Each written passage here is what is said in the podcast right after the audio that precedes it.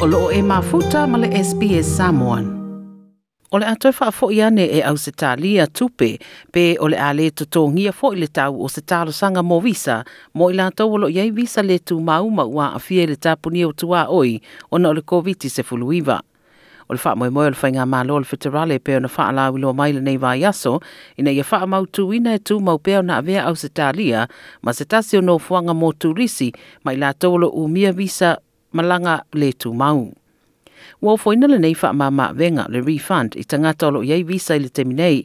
Wha lau lua mai iei o le ato wha fo i ane, ia pe to, le to tō ngia fo i tālo sanga, mo e olo o umia visa le tu mau, mana a fia i sā o whemalanga inga no le wha mai. O tangata whainga wenga le tū mau i eito mai whaatasi ei ma tangata tā whao mai. O lo umia visa ia o le ahanga wa nei whainga. Ma o le a whaatanga i la tau e toi fo i mai Australia pe a whai e toi te tala tua oi o le vaenga i lalo ngā luenga wha vai taimi ma e umia visa whai ngā luenga i lalo o ia marienga o le aanga wa fo i le nei whainga pe a whai na mau ato lato visa a o le io i le asolua sifulu o mati o le tausanga nei. Ma e wha pe fo i la tausa talo sanga i lalo visa wha ingoina prospective marriage visas. O le tu lai mai le teminei mo le mtanga inga o Alan na ia ta ua le wha moe moe ina ia wha lo o au se talia mo le a whea e mai lātou e visa le tu mau e malanga mai iai.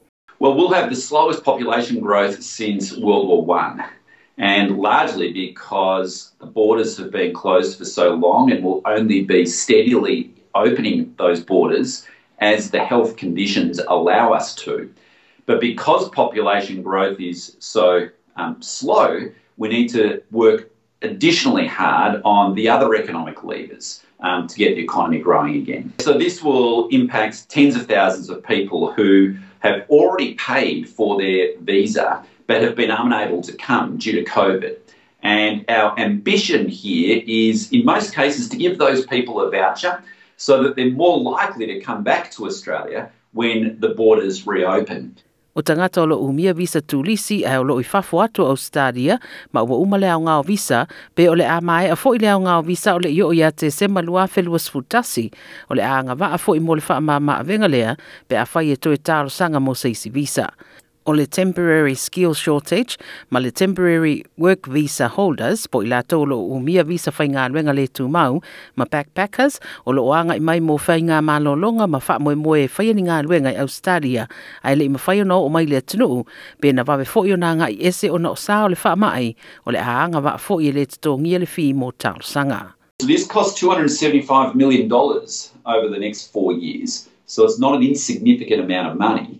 But it will help underpin our economic recovery, particularly in tourism, when the borders are fully open again. We've made a number of decisions throughout the year to provide additional flexibility for visa holders, in many cases to extend their visa, in other cases to waive certain conditions which have been unable to be achieved due to the COVID restrictions. And we'll continue to do that in order to ensure that people um, can have as sufficient time as they need in Australia and where they are able to be able to convert to permanent residency. O le Ames Australia, o se tasi o o nangai mata upe fesoso ni le sa ilia o no fua ngai au mawai tangata i tūta wa o onga o ngā luenga ma tangata suru fai foi. Nā tau teo foina por kalame fale o onga le ingilisi, whaadiri upu ma o nanga tau ngā luenga, community manisi mata upu wha tau le no fua i o tangata. Whaaria le lātou whaururunga o Cath Scarth, o se ngā yo inga tāua tele nei, e mai se lawa le nei vai tau. It was a good step that obviously many people had um, already uh, paid for visas or, you know, were on the cusp of, of tra- travelling and then were not able to. And so um, I think it's a good step that government has, has sought to either provide a waiver or, or a voucher for uh, some of those visa charges, and obviously that's um, going to impo- be important for us once the borders reopen. That people um, can start to come back to Australia, whether that's visitors or uh, temporary workers or whatever. So. Um, removing that as a barrier, given they'd already paid for something that in effect they weren't able to receive, um, I think that's a positive step. Na whae loe taj e tu sa male iwa sfulu afe le leisu afo o loo i le lisi whaatalitali mo tālo sanga o lato visa le ua sau noa le so upo le ofisa o le tuanga i mata upu tau loto i fale, Christina Kennelly, le ana whailo i atu i lona to luo Pen Kennelly i Pōlani le a whaipsela iwa sfulu tasi. Na whae poipo ma malanga mai elta mai tai Australia nei le a whaipsela iwa sfulu wha, ana ia wha matala le matua i umi lava o le taimi e mana o mia e whaatali e le tali o tālo sanga mo le visa. I am forever grateful that I wasn't applying to do it under Scott Morrison and Alan Tudge's administration. Uh, some 25 years ago, when I came to Australia, it was much easier. And what I know well, how hard it must be for those 100,000 couples who are just eager to begin their lives, their families, their jobs, their futures in Australia together. I know what it is to meet an Australian overseas and fall in love with them. The waiting time for these partner visas is astounding. Some 90% of people are waiting 27 months to get a partner visa application finalised. O le sau noanga e whaalua ina fo i le sui o le leiba Andrew Giles. Uh, I'm not a direct beneficiary. Uh, it was my dad who met my mum uh, overseas. Uh, so, so it's part of my story as well as the story of so many Australians and so many of the people that Kristina and I represent. This is 100,000 applicants and 100,000 Australians. 200,000 people at the moment on a waiting list directly affected. And people saw hope.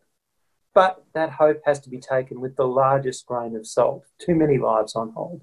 Too many people unable to begin to set up their family life in Australia and to make a contribution to our communities. Lo ngā lue whaatasi lan le Ames Australia ma tangata o tele fo i mea na awhiai ai le iau maua i nei le teimi mua. People are keen to be able to get back on track in terms of their settlement. There's a, obviously uncertainty in the community and amongst clients, but also a high degree of, um, I suppose, a positive outlook. Um, you know, thinking about many of our clients, uh, some of whom have, have, have come here under the refugee humanitarian program, who have been through uh, pretty awful traumatic experiences, and so um, this one is a kind of a, a, a, another hurdle that they have to face in terms of settling safely and well. But but for many of them, not as extreme as some things that they've faced already. O lo wha amalsia mai Scarth, o lo tū maupeo nā wanoa Australia ma avea, ma se tasi o nofuanga fia fia tangata e malanga mai iai. I came, I came here as a skilled migrant uh, 28 years ago or something. You know, it's still a great place to, to um, raise children and be able to, to lead, lead a satisfying life. Australia would still be incredibly attractive. We're still clearly in the throes of dealing with the COVID pandemic, um, and we're not out of the woods yet. Uh, but compared to many, many countries, we're in an exceptionally good place, and so we'll still be very, very attractive to numbers of, of migrants. We'll need to attract um, highly skilled people. Like, share, mafaali sa ufinangalo. Muli-muli ile SBS Samoan ile Facebook.